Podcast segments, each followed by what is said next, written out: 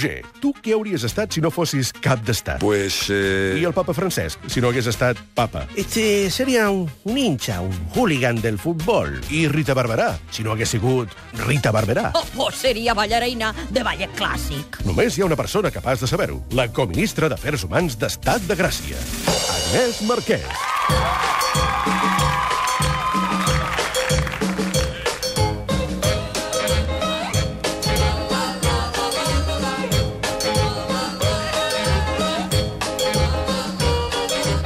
Agnès Marquès, bona tarda. Bona tarda. Com estàs? Un dia Molt bé. agitat a nivell informatiu, sí. o sigui que, no sé, molta feina, no? Mogudíssim, un dia mogudíssim, i tant. Tu no tenies cap enquesta privilegiada que et digués que Trump pogués sortir, eh? no, en tot cas eh, queda confirmat que no en tenim ni idea.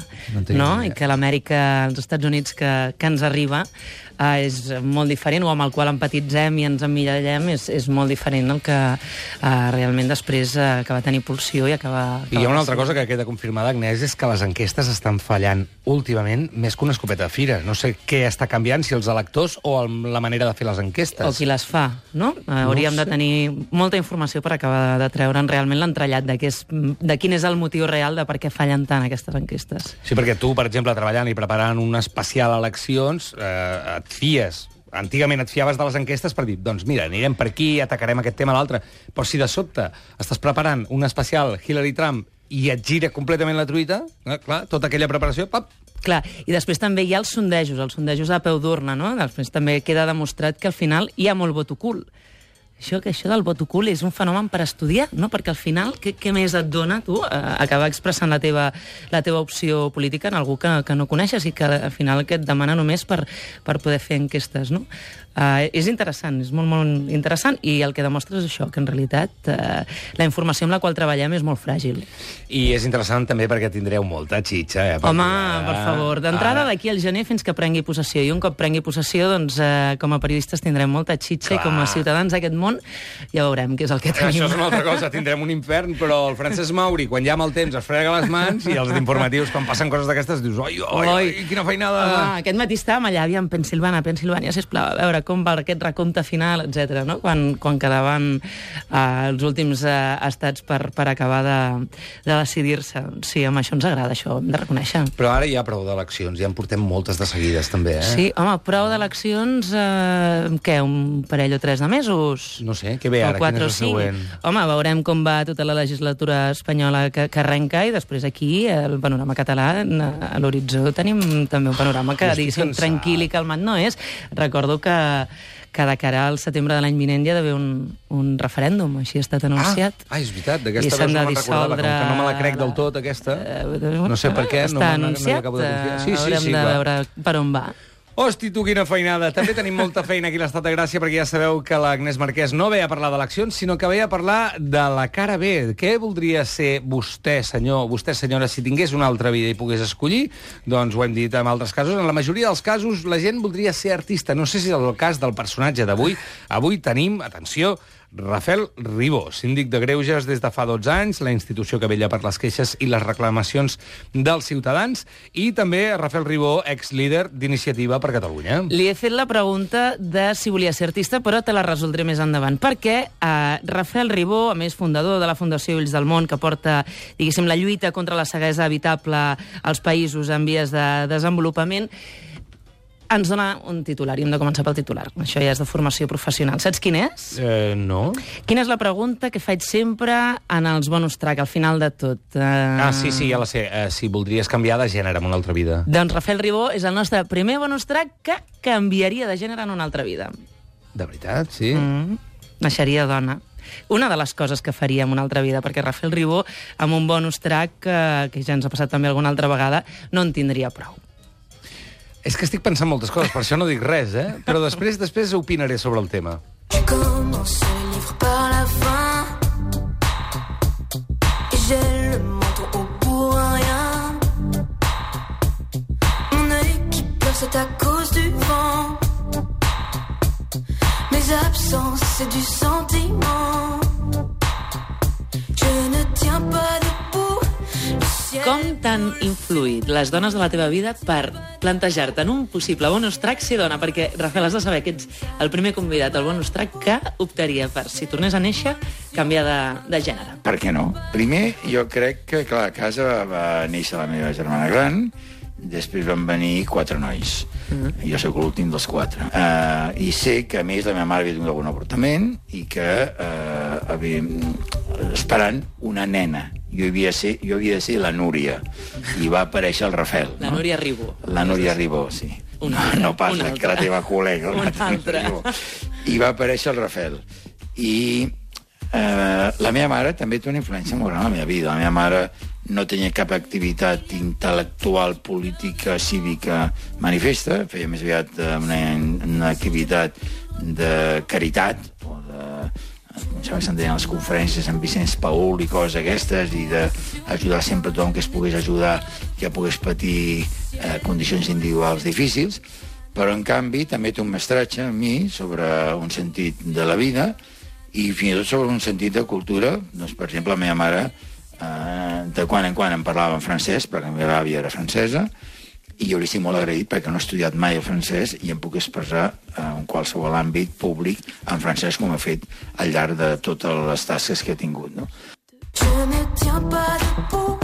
Le ciel coule sur mes mains. Je ne tiens pas debout. Le ciel coule sur. Ne tient pas debout. Le ciel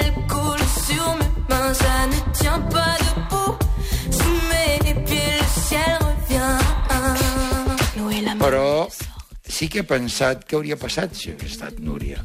Doncs primer hauria passat el que ara trobo que és una gran deficiència que arrossego. I crec que arrosseguem els homes.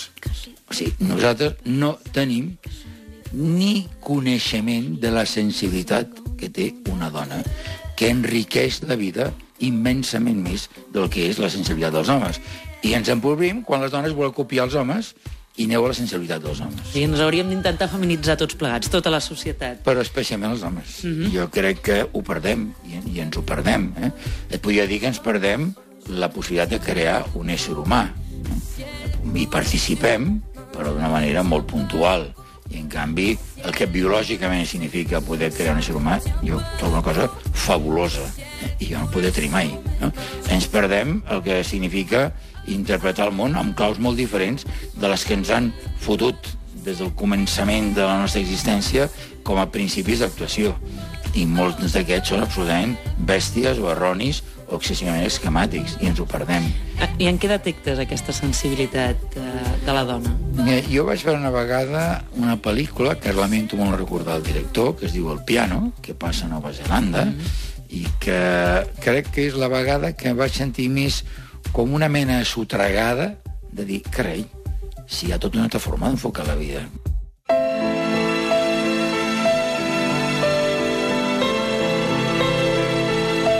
Forma d'enfocar la vida, no? Diu Rafael Ribó, amb aquesta influència materna, parlar de la sensibilitat, de la maternitat, eh, fins i tot de la sensualitat. Aquesta pel·li que ell diu del piano és una que parla, fa la història d'una dona escocesa que el seu pare la ven a un home eh, en matrimoni, no? Se'n Sí. va viure a Nova Zelanda. La ell- música és del Michael Nyman, no? És aquesta. Sí. Sí. sí, és una de les grans bandes Sí, sonores. em sembla allò. que fa poc va venir un concert.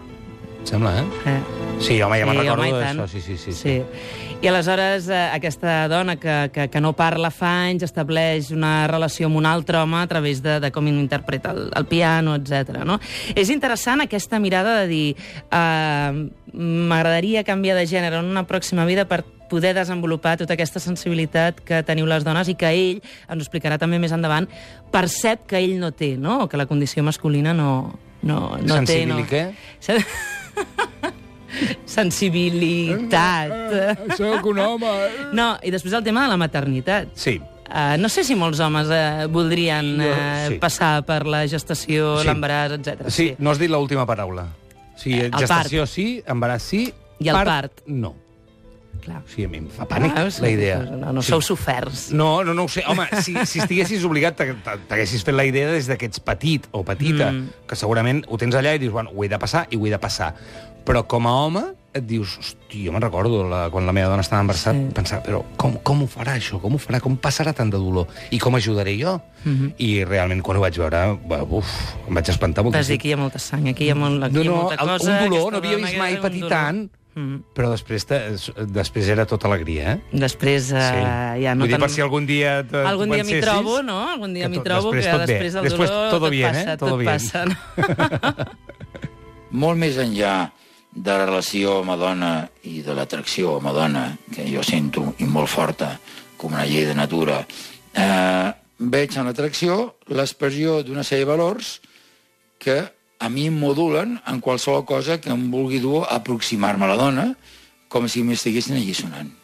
Des del comportament, eh, al saludar-se i, a, i en el eh, asseure's i començar, a començar a xerrar, fins i tot te diria la sensualitat. Eh, És una forma d'abordar la sensualitat molt diferent a la de la dona respecte a l'home.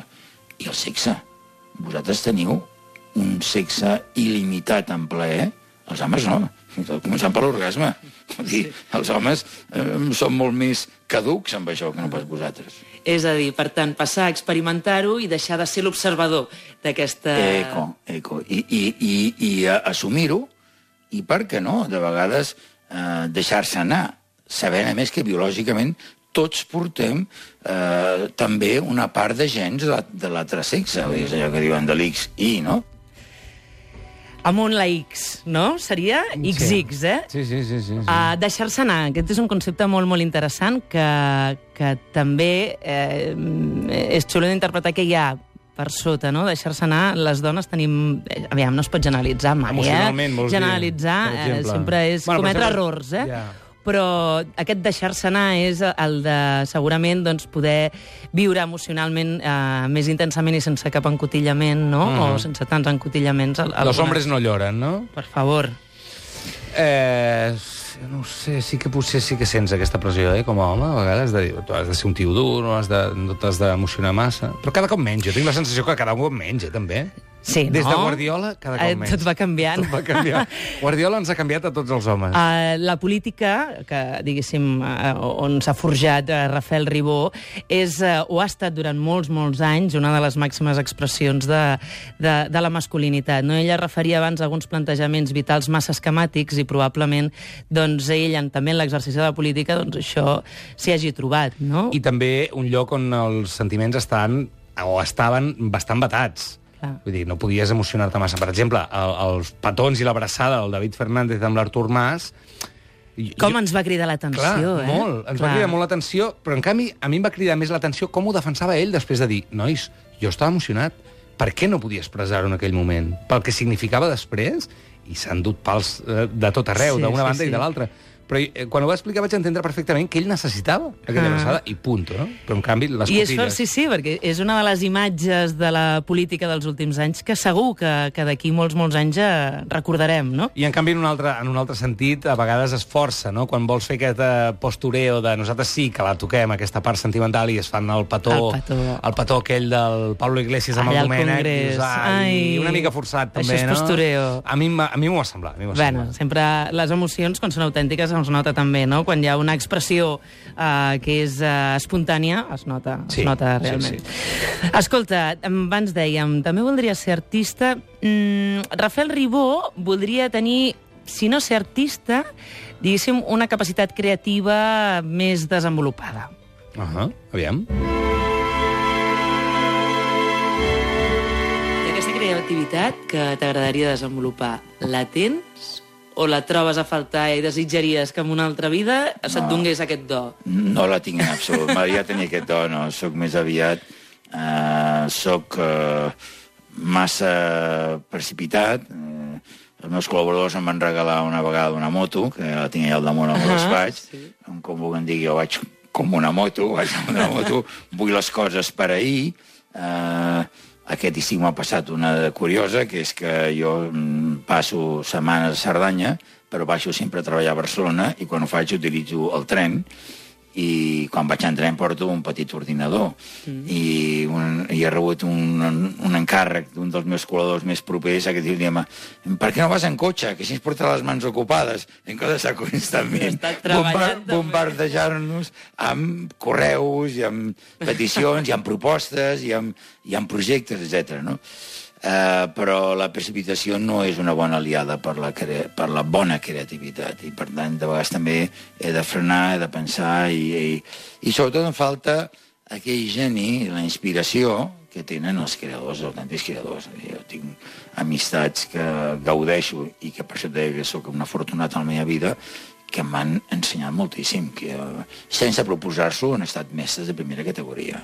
Vull dir, jo citaria en Raimon, que ens coneixem de fa moltíssims anys, o què diré jo, la meva amistat, eh, el meu coneixement en personatges tipus Alfaro, eh, o tipus Miquel Barceló, doncs han estat eh, també moments molt interessants. El que veig, Rafael, és que ets un mm, gran vitalista, admirador de totes aquelles qualitats que per natura o pel que sigui, uh, un, un, tu no has tingut.